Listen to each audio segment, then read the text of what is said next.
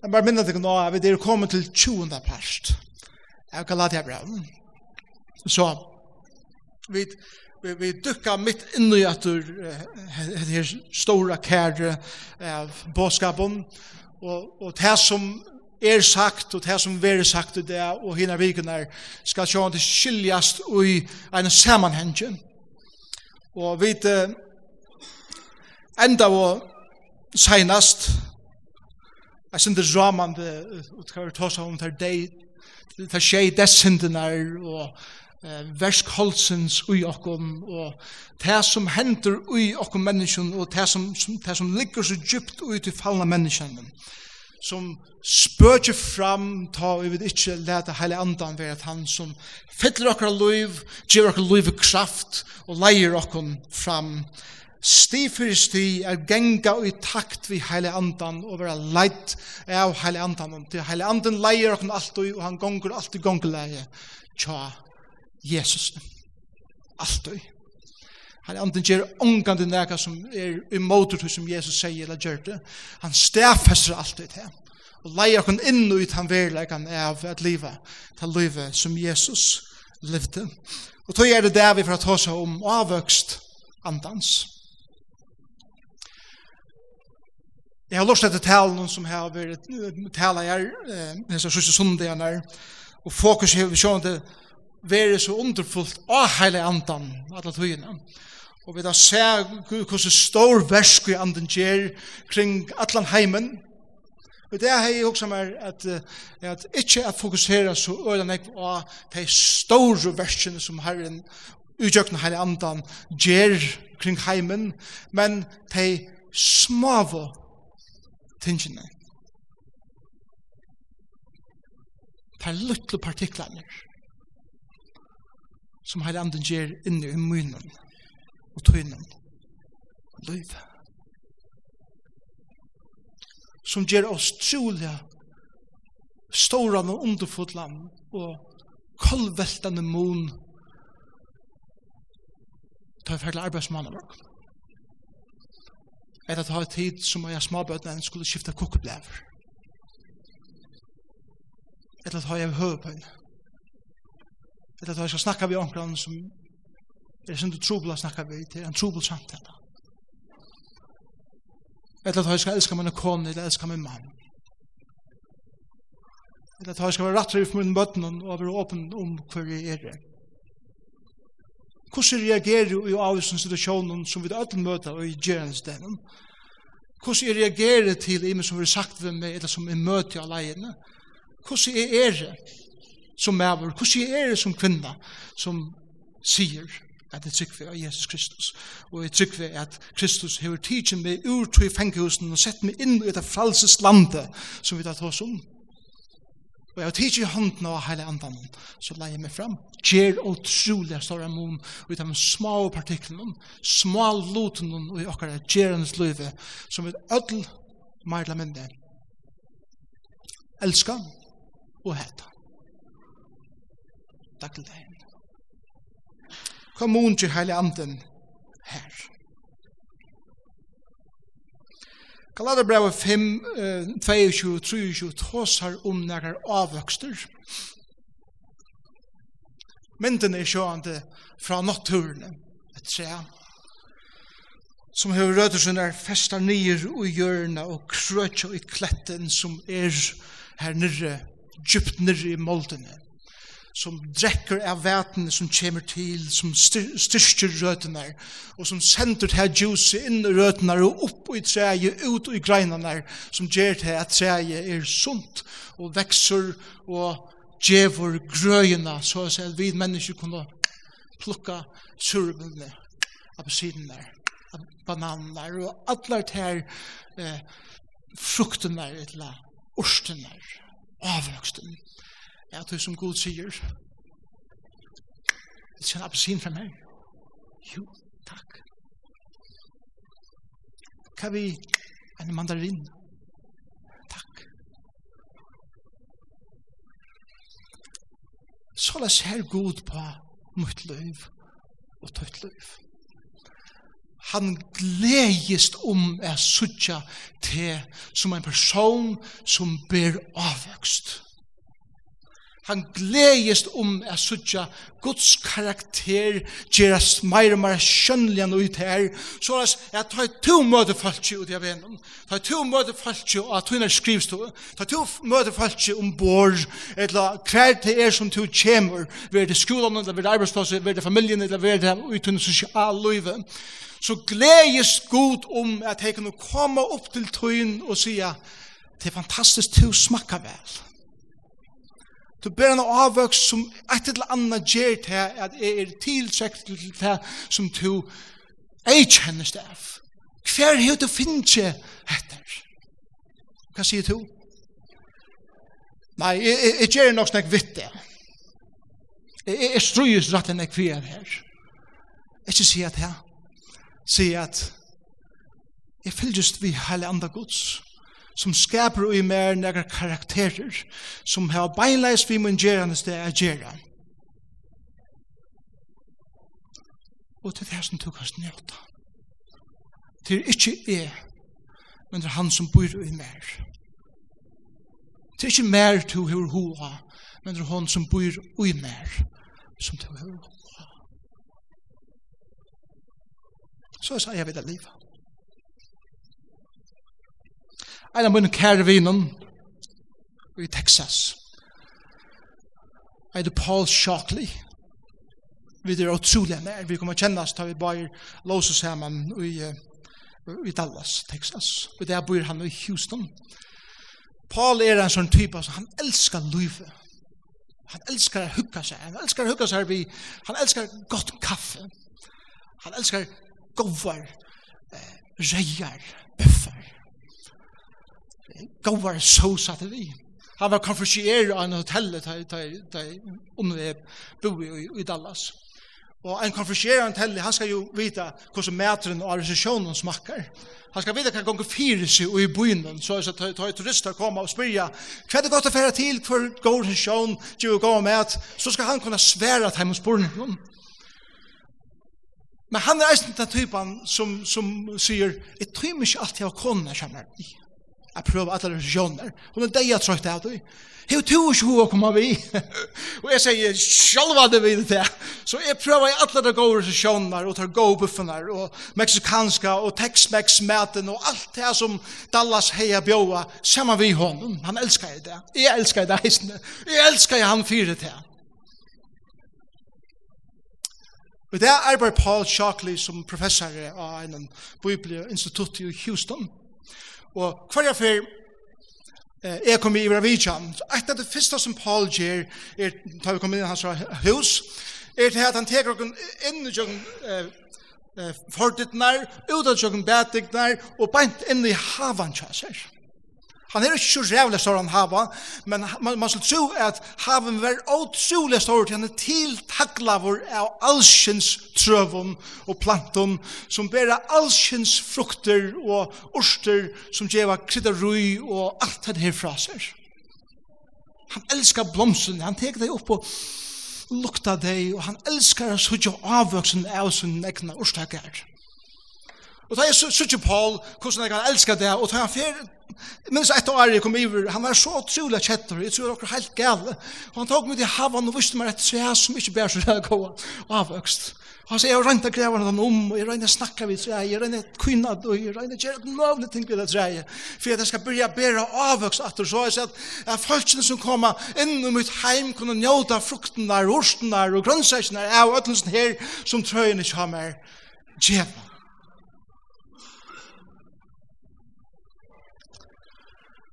hadde Paul sjokk. Og da jeg hukse om Paul, så hukse jeg om god. og jeg sier så, jeg sier god så jeg fyrir meg. For han teker sånne enklar. Da kan man bruke det her myndene. Og god sier, Gabriel, kom her. Og så råper han kjøver, og han teker henne ut, og i sin orstagær, Og hva er hans råsager til vit? Og så sier han, Sarst du, hette tseie, hendan er det jutet. Hikker etter frukten som han ber.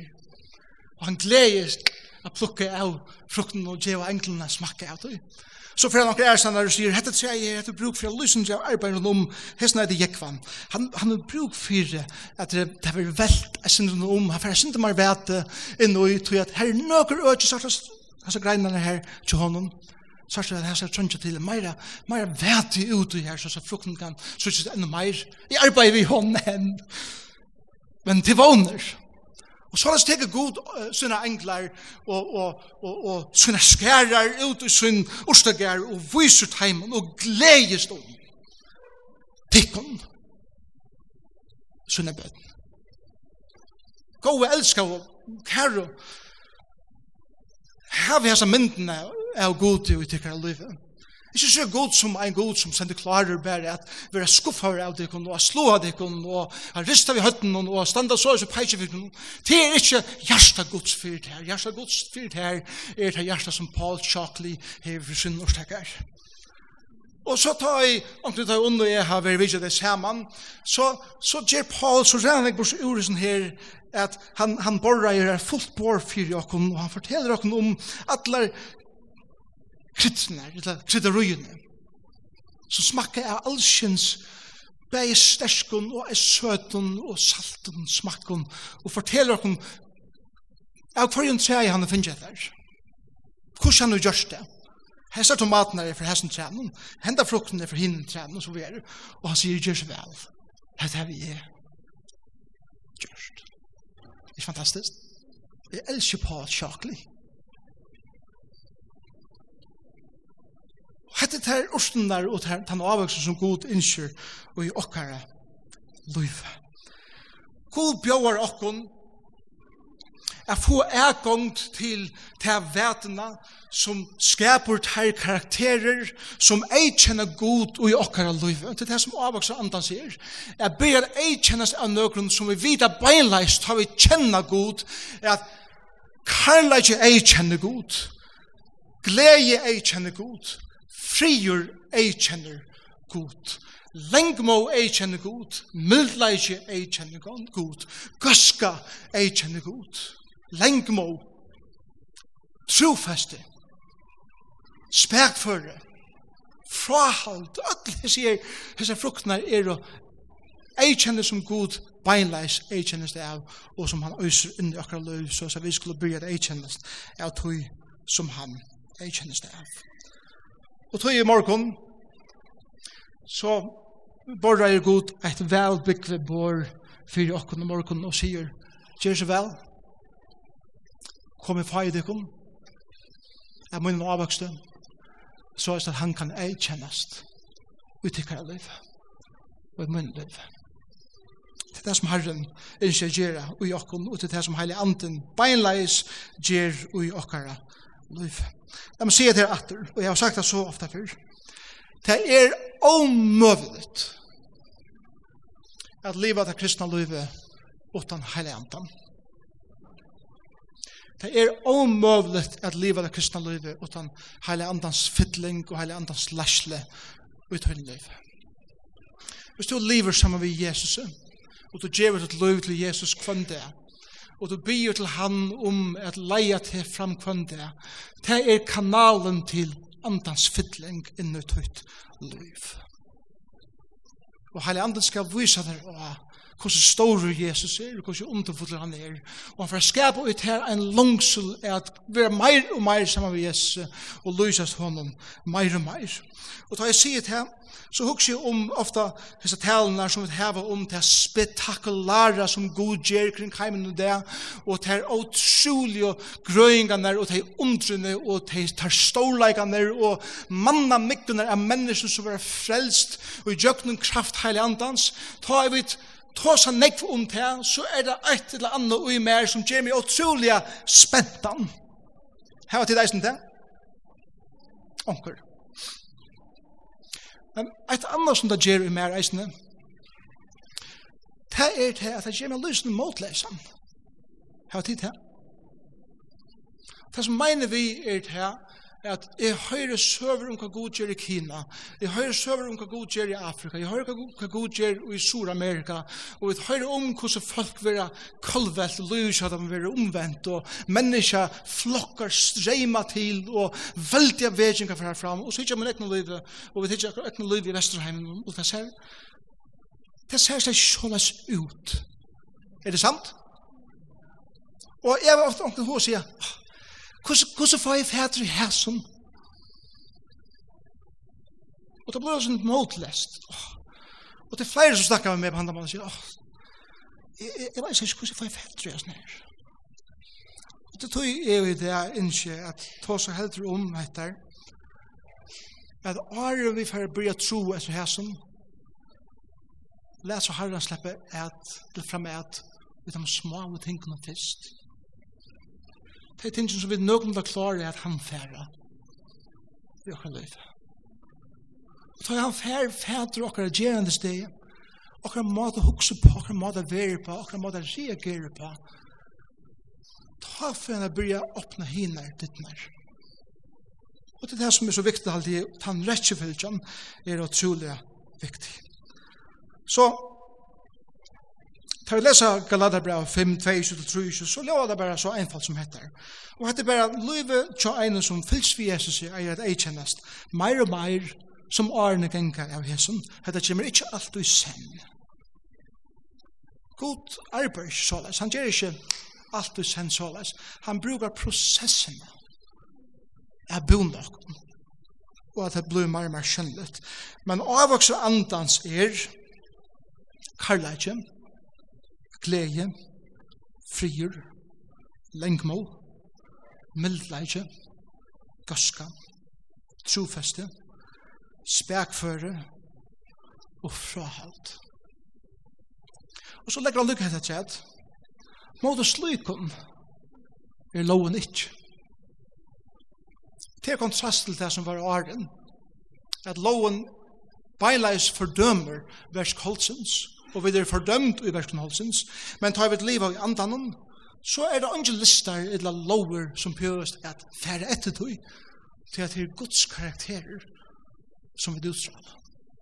Her pjøres ikke lister, her pjøres ikke lover, her pjøres ikke føles av vi nøyest. Det kommer naturligt, som et tre naturlig blir avvøkst, det frukst. Sikkert folk har spurt Paulus, Paulus, Hva er det avvoksa antans? Du tåsar om at vi skal leve i andan eller genge i andan du tåsar om at vi skulle leite av andan du tåsar om at ta et hendur, så, så var det ikke versk holdsen som kommer så til men versk andans, eller avvoksa andans. Hva er avvoksa andans, Paulus, sier Galatio folk. Og jeg tror at Paulus har hukst om etter. Og han hugsar om det på tamma, at han, at han sett seg nyer, minnes det Paulus kjente gamla testamentet utanett. Han hei hitt Jesus. Og han har sett seg nyer og hugsa, ta e hugsa om Gud i himle og ta samfunnet som er her vi ham. Hver karakterer av Guds natur er det her som avvarska mot løy mest. Og han hugsa, God hefur tidsi seg av mer og meta det. Og han har elskar meg treitalest, med avren som, som røndi at drepa de første kristne, som røndi at øya sankum og gods. Han har vust mer treitalesam, karlaka, karlaka gods. Da jeg er framme for Asjon Guds kjenner jeg en utrolig glede, glede er som jeg kjenner Gud frier. Shalom. Frier Guds. Her føler jeg at lukka mykje for meg omstyr er i livnen. Så er Guds frier her. Han vil give henne listan av nødjo karakteren som jeg kjenner god. Og jeg har sagt vi kan lade, men hette er Guds karakterer som skal skyne i døgnet deg. Så La meg gjøre det kun bare et lite innlit inn i seg her nutjon avvøksner. Hvis vi skal bruke negativ på hver avvøks, så sier vi det her til ene fyr. Jeg får lykke bare at definere året og se løsninger om det, og så får jeg til neste år. Karla ikkje. Karla Karlajt er det år som vi bruker veldig nekv. Kalla ikke det år som god bruker det nek. Kalla ikke det som vi ødel troa etter at få, og kalla ikke det eist nek som vi innast inne troa etter at tjeva. Kalla ikke det nek som er øyla gjerandes litt. Kalla ikke er at det fettel helt naturlig for meg at bodja med nyer og offra nek fyrir en annan person. Kalla Det føles ikke onaturligt. Det føles ikke falskt. Det er ekta. Det føles ikke som en tung byra. Det er noe som flyter helt naturlig ut ur mer. Jeg retter hendene ut til en annan og sier, jeg vil gjerne hjelpe til. Utan neka agenda, utan neka baktankar og neka som helst, det kommer pura naturligt fra mer og flyter ut. Det er det som kærleik er. Karlaja er ei kjenne okkun som en eina samkomme. ikke er ei kjenne en samkomme som løvdina. Ta vi hitje er at løvdina som kunne vi samlas her sunne morgon.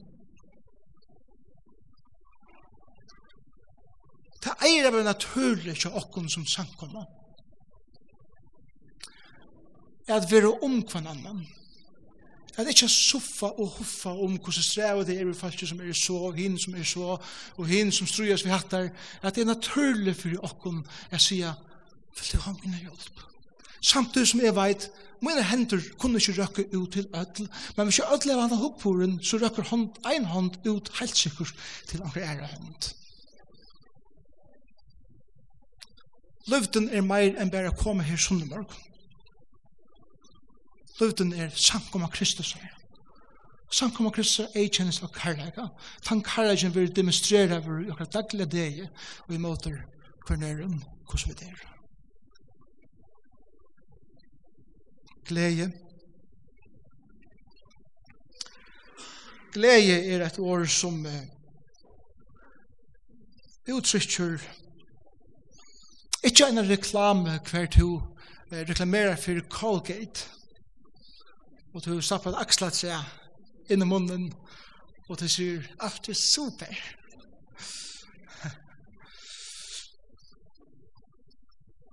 Gleie blir uttrykt etter personlighet, halde jeg. Som en personlighet er øyla spelskar, og, og de hopp og dansa, og alt det der. Og anker er rævla glad i hånden og lommene. Er forfølgelig glad over. og det er ok. Men bibelsk glede her bare Det er et, et år som, som det ligger ut i at Lika mye hver jeg mener omstøver er, og han ser mener omstøver. Og han ser om jeg ferdig til arbeids i morgen, og jeg vet at den oppgave som jeg skal gjøre til arbeids i morgen er en tung oppgave. Jeg helst vil jeg slappe undan. Så fer tan avbjørnjen, eller ter omsøvner som er i ikke eller jeg får ikke at løyva til min omstøvnen at definere om jeg har morgenkron i morgenar eller ikke. Jeg platt jeg har morgenkron før. Kom morgen, elsker jeg, sier hun. Kom morgen. Nå, hvordan har du sovet i natt? Finansla. Hva er det du hugsa det er just i det, og hva er det du hugsa om? Jeg har hugsa mega som helst. Jeg har ikke snakka bare nu. Og så da jeg finner kaffe til han tutsi. Så er det, nu gaua, hvordan gjør du det? Så er sverre jeg bare, jeg er ikke så slankur. Tøy at, ja, jeg var ikke under andans avvøkstru i meg som gjør det. Etter bare til at omgammer foten. Jeg sier, come on, vi er ordentlig, altså. Men til det her, at jeg får ikke at, jeg, jeg får ikke at i morgenarene vakna, God løyve meg ikke i morgenarene vakna, og jeg vil ha svara omstøy jeg ferien i, eller oensant omstøy, et eller annet som ikke tøy meg, og lette det avvirka min det, og min, mitt løyv som er vi i øren. Jeg er nøkter, jeg er glæver, jeg har det ok, synes jeg er på nå, men jeg tror ok. Det er han karakteren som god er kjennes det av. Halda det ikke vi først god er deg at trøtter at ikkon, og akkur måten vi er på. Her ser vi det virkelig sæven vi først for god. Og halda gonger himmelen vi ringer det for det er slett ikke. Han sier, du jeg fann morgon. Jeg vet at det er sin sæv ikke men jeg er spenter på det i morgon. Og at jeg kjenner god, at han sier hukk for om okkar liv. Frigjør, Frigjør er Det er ikke synd og glede på samme måte, men det er mer vi innar ro å gjøre. Det er frisem, en sæle som gjør det at jeg er jo ok. Men til Cyprien, det shalom og, og hebraiska malen, det er nøkken det samme året som det greske året kommer fra.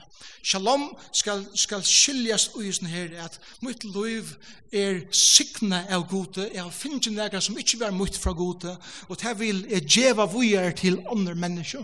Men til Cyprien, det atter. Det betyr at jeg veit innast inne hver jeg skaptur til negra og medelig underfullt, men jeg veit eisen at det er underfullt hver bråte og i syndafatten, men jeg veit veit er god forbi syndafall i heven, jeg er underfull vi munn løyve, og til enderføyingen. Og enderføyingen gjer til at jeg får ikke løyve syndafallen er jeg roa og sette dagsordnama for mitt løyve. Og alt det tingene som strøyest vi, og krutsk, og hungersnei, og jarskjoltar, og tsunami, og alt tingene i løyve, for ikke gjør til at jeg får genga kvendia, og hittje det sjåren og tøyenden, og vera rastløslyen av som gong fyrir sin heim der. Det er var det shalom betyr. Er god arbeid fram mot det som er det som han opprunelig skapt sitt skapende vers til skal ein det være såleis atter. At det er godt sted av lammen. Ikke bare vidt mennesker, men skapende vers. Rombrev 8 sier at skapande vers er som i versen og gleder seg til enderføringen hver sommarfugler, hver blomma, hver strå som vekser ute, hver fiskur, hver fugler, alt som skapte er, ser fram til dagen, ta og i teg endurfødt og skulle leia skapen av skuds av nutjon, ut av nutjo himlen og nutjo gjørne. Så lyga mykje hva hender mer i løvnen. Så har vi en shalom fri. Og om Iran legger og Israel, gjør meg ikke mun. Og vi høyre tøyende om krutsk her og der, gjør meg ikke mun på tammaten. Ikke mun på tammaten, at det er lyga glæver. Sjåvande skulle vi ha av og sånn, men det er ikke sånn dagsordene for det. Hvordan jeg er for å være i det. Det er det som frier betyr. Karlage, glede og frier. Det er smeira vi var fyllt av hele andan tess meira for te at ei kjenne okkara daglig det. Så kommer året lengmål. Jeg halde at, at jeg jeg røyner nok til å sitte på hendene på denne karlage glede frier er akkurat som et øyla størst grundalega som god gjør okken for livet. Karlage gjør okken en substans å stande av glede ger okkur ein annan substans at standa av, og det samme vi frie. Da vi så her til grundarleg at standa av, så kommer hin i årene, lengmål, og alt hin i årene som kommer, til akkurat som de bytja av dette grundarleg. Det er utrolig praktisk i årene. Det er lengmål, det er kanskje et år som, som er ringt av skilja, vi kjører hva betyr egentlig av, av føreskom. Det betyr bare at det hebraiske året for lengmo er ein som hever lenga nøs. Det er ikke typen nokio lei. Ok?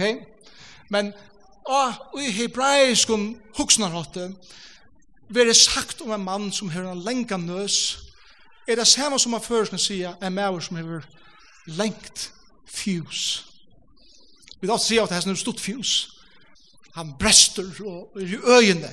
Det er sånn som lenge må er en maver, eller en kvinna, som ikke er, eller ikke blir stort av ilsinne.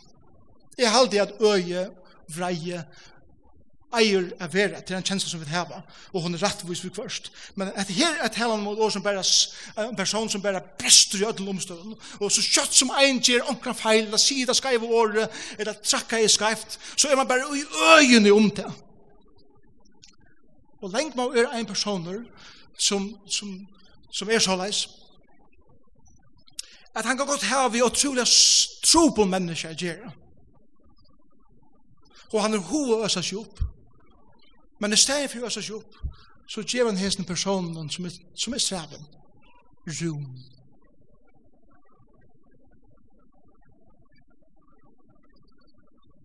Men ikke bare rom, vi tror for eia at Det er for noe genga. Men rom at han hatt, at jeg trykker at hvis jeg er blant dem i på hvordan jeg som personen er på nå. Så iver det her ikke er et versk som Gud skal slippe gjøre i hans liv. Er det vi?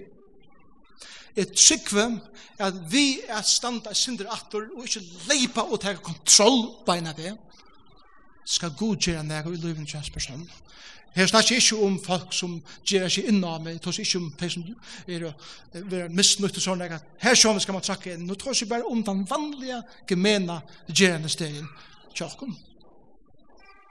Jeg har en troblegg vi her som tar akkurat bøtten var små til lømmes. Så kjøtt som akkurat vær, så skulle jeg alltid være at han som skulle leipa til og få tingene på plass og bare få det ordnet. Og ofta kommer man nekst større skia vi at vera en styrk personer. En personer som hever lengt må er en papet til dem som tror at er godt fra munne bøten ikke gjør alt det rett og alle stingene, men halte atter fra at alt er blanda i på og løyt og at god skal teka seg av teimen.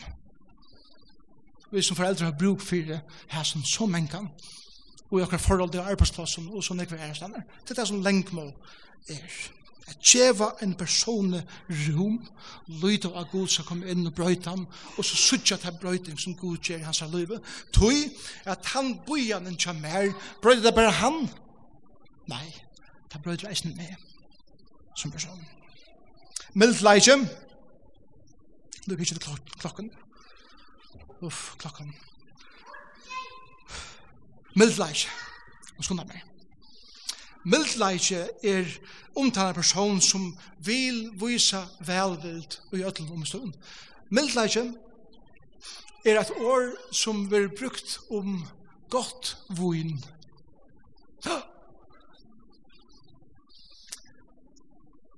Da Jesus får brytla bekana, så eh,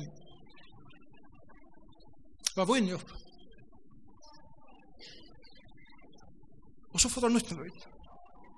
Og hva sier uh, brukommeren om dette nøyt av vinn som kommer? Hvordan ble det til at det det fikk gåva vinne kommer nu. Så at, at hjemme døren var det så at man serverer det gåva vinne først, og så det er bare det var full, så skapte man bare til ringa vinne. Så gjør det større mål. Men nu kommer det gåva vinne.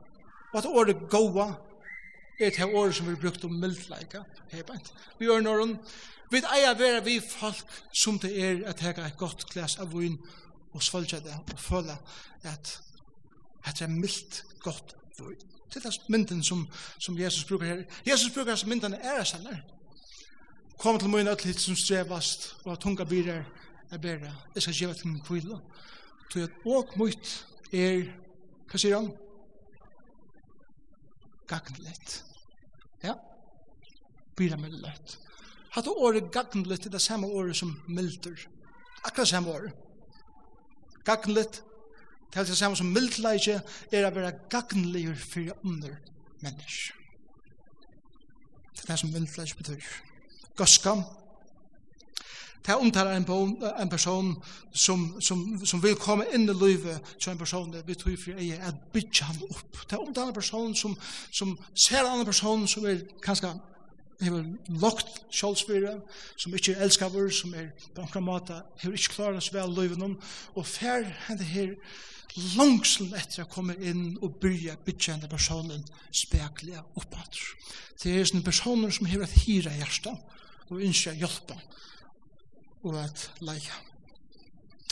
Trofeste er et år som uh, tåsar om en person som hever trygg, og som grunn av sin trygg er trofaster, og i tog som han gjer.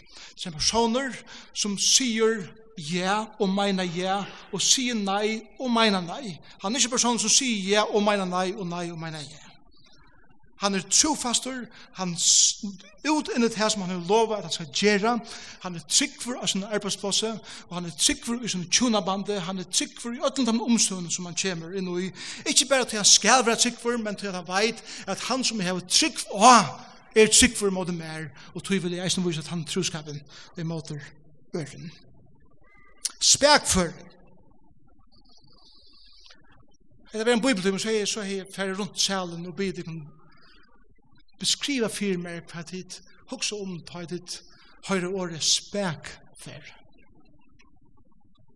Ta jeg og spurt henne spørningen, så har folk sagt det er noen som er, er øyla spekur, det er noen som er fri eller det er noen som gonger sundur samankroppen og tår kanskje ikke opp så vel og øyla gode folk og legger hendene bøten og sykna deg og så videre. Spekfer. Er det det? til meir enn det. Spekføre er et år som var brukt, eller var brukt, om en person som hever en utrolig styrk. Ikke bare fysisk styrk, men han hever en utrolig utstraling. Han hever en et utrolig hjertemal for nekve ting. Tro på leisje av personen er han, at han hever ikke fokusere seg årskene. Han er bare som en villmær som bare renner rundt alle senere og gjør unga mot nægra senere. Året var brukt om at temja hester. Vittler hester måtte fengast vid lassen, og så finge der nøglene kontroll av dem, inntil der finge eh, boksli om man, og, og, og, og seilene på, så lop der på, og finge boksli nøglene om tryne, og så lest etter kunne teg i endan, og boom! Og hesteren, åh, føler at jeg finner ikke en herre iver mer. Så la oss at alle hendene styrken og orskan og kraften som hesteren hever. Nå knapplega vil kanalisera nyer ut det som hesteren skal gjøre, om det vil brukt som, eller, som er vær, brukt som en krukshester, eller en landbrukje, eller om det er kapprenning. Hese mæren som sæt på hesten var han som styrte allar hese energiene som hese hesten hei til sutt formal. Det er det som han er anden gjør vi okken. Han kommer vi lassene, blekar om okkom, han fer fædru i okkom spekliga, så blekar han seil på okkom og fer boksli om okkom, og så boom, teker han i teimann her. Og fer styra teimann her. Og han veit at allan, allan den orskan som vi hava, og allan den styrstjen som vi hava, sånn hoveren og branderen som vi hava i okkom, teker han nu og kanalisera det nyer ut her som han vil hava det kanalisera nyer ui. Det er personer som konsentrerer om det som er vil. Det er personer som veit hva det er, at hette er mine gaver, hette er mine styrker, og jeg veit hva jeg skal bruke det til, og Herren kommer her, eller hele anden kommer, og kan jeg se det rett. Fra halt er et år som er brukt om en mann eller kvinne som er kommet her til løvene hver er klar til å styre mine gjernt etter makt sex og penger. Det er det som frahalder. Det er personer som sier, jeg veit vel, at djupt i mer ligger en stor troan etter meira makt. Meira pengen, meira oknum, meira av øklensene her som jeg vil hava. Men nei takk. Ta jeg veit at jeg fer at skia til forholdet som jeg har i ånder og som jeg har i god. Det er sånn eileisen at du vil sia nei i løyvet dem til ting som jeg gjerne vil hava.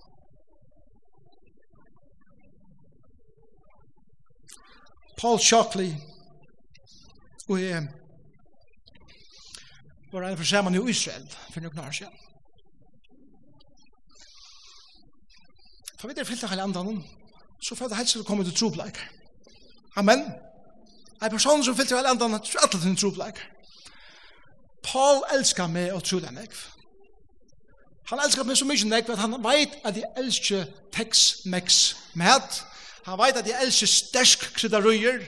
Han vet at jeg elsker ødelse tingene her. Så det som Paul gjør det, til han flei fra Houston til Tel Aviv, og jeg flei fra København til Tel Aviv, så hittes vi der. Og han har en stor fotland plastepåse av allsins krydderøyen og i pulverform. Og det var, det var stersk karri, og det var ødelse tingene som mm, til lekser gleder vi komme hjem at, at bruka hans krydderøyene. Så Ta i vi så kommer flåa til natur i Tel Aviv, og i færre tjøkken tottlen, så vinkar Paul til meg og sier, nå er så regnet klare det så vel som mulig vesen pulveren som du hever. Han fyrir tjøkken tottlen, snikka leiser, og så er det møynturer, og jeg evir tidsin atrum, til at han sutja etter landet koffertenen. Og jeg var traspurter, minst det heter Tel Aviv heter Israel. Hver, hver, hver security er i hasad. Tar åpna kofferse og tar færa vi ötlensen her, og hundar og alt. Tar snott og pjumar nastan. Og tar eina som mangla seg mer, det er låd dem i ur og fra råd og pjumar. Paul, han, jeg visste at han flenner kujtje at mer. Og tar skanna av hese påsan der, tar åpna og der og Det er så videre, ja. Det er så størst når vi har. Og, og til endan slipper jeg vi er. Vi får jeg alt vimmer til bedre. Og Paul sender her bøyer etter rett mer, og vi færre. Flik var han, vi flikket til Frankfurt, han flyr, vi er til Houston, vi er til København, færre. Og han sier, jeg visste at det var få de store tropleikere. Men jeg tog det for jeg lykket alltid, jeg vet at jeg elsker det snakk.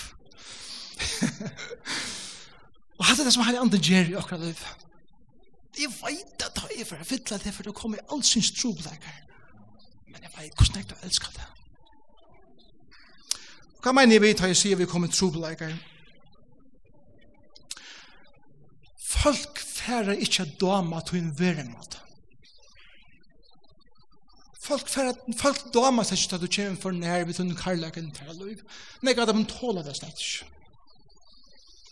Folk dame ikkje ta et hu sitter inn i en rume hver alle sida og spilla hva eller andre ut og du kommer her vi som gode årene som bare legger seg tøkna iver tretene som er færre fram.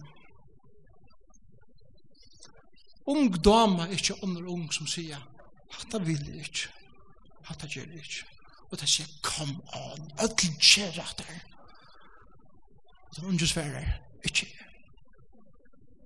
og tror ikke stand for det. Han er anden for alt jeg får til ut i trobeleikar. Han leier i jøkken trobeleikar der. Og enden er han at han karakterer som kommer egen av tøyt løyv for å ha en stor avgjørskan av følelsene som til å livet sammen med. Tog at fytling heile andans og avvoksa heile andans er til at Guds karakterer blir skjønneligere og skjønneligere for det og tjøknen til og ut her. Og du får ikke at løyva okkara samfellet og ta meningen som er ut i samfellet til okkara er sida dagsordena fyrir hvordan du skal oppføre det. Du får si at hele anden skal sida dagsordena fyrir hvordan er verre og i hesen samfellet og ikke feltje som, ikke, som fylgjer god, ikke fylgjer god til etter. Det er det som han heilig andans i her. Det er for å gjøre der en karlaka til mennesker. For å gjøre der en glede som ikke er avhengig av omstånd. For å gjøre der fri som ser helt av mynden av det som Gud gjør.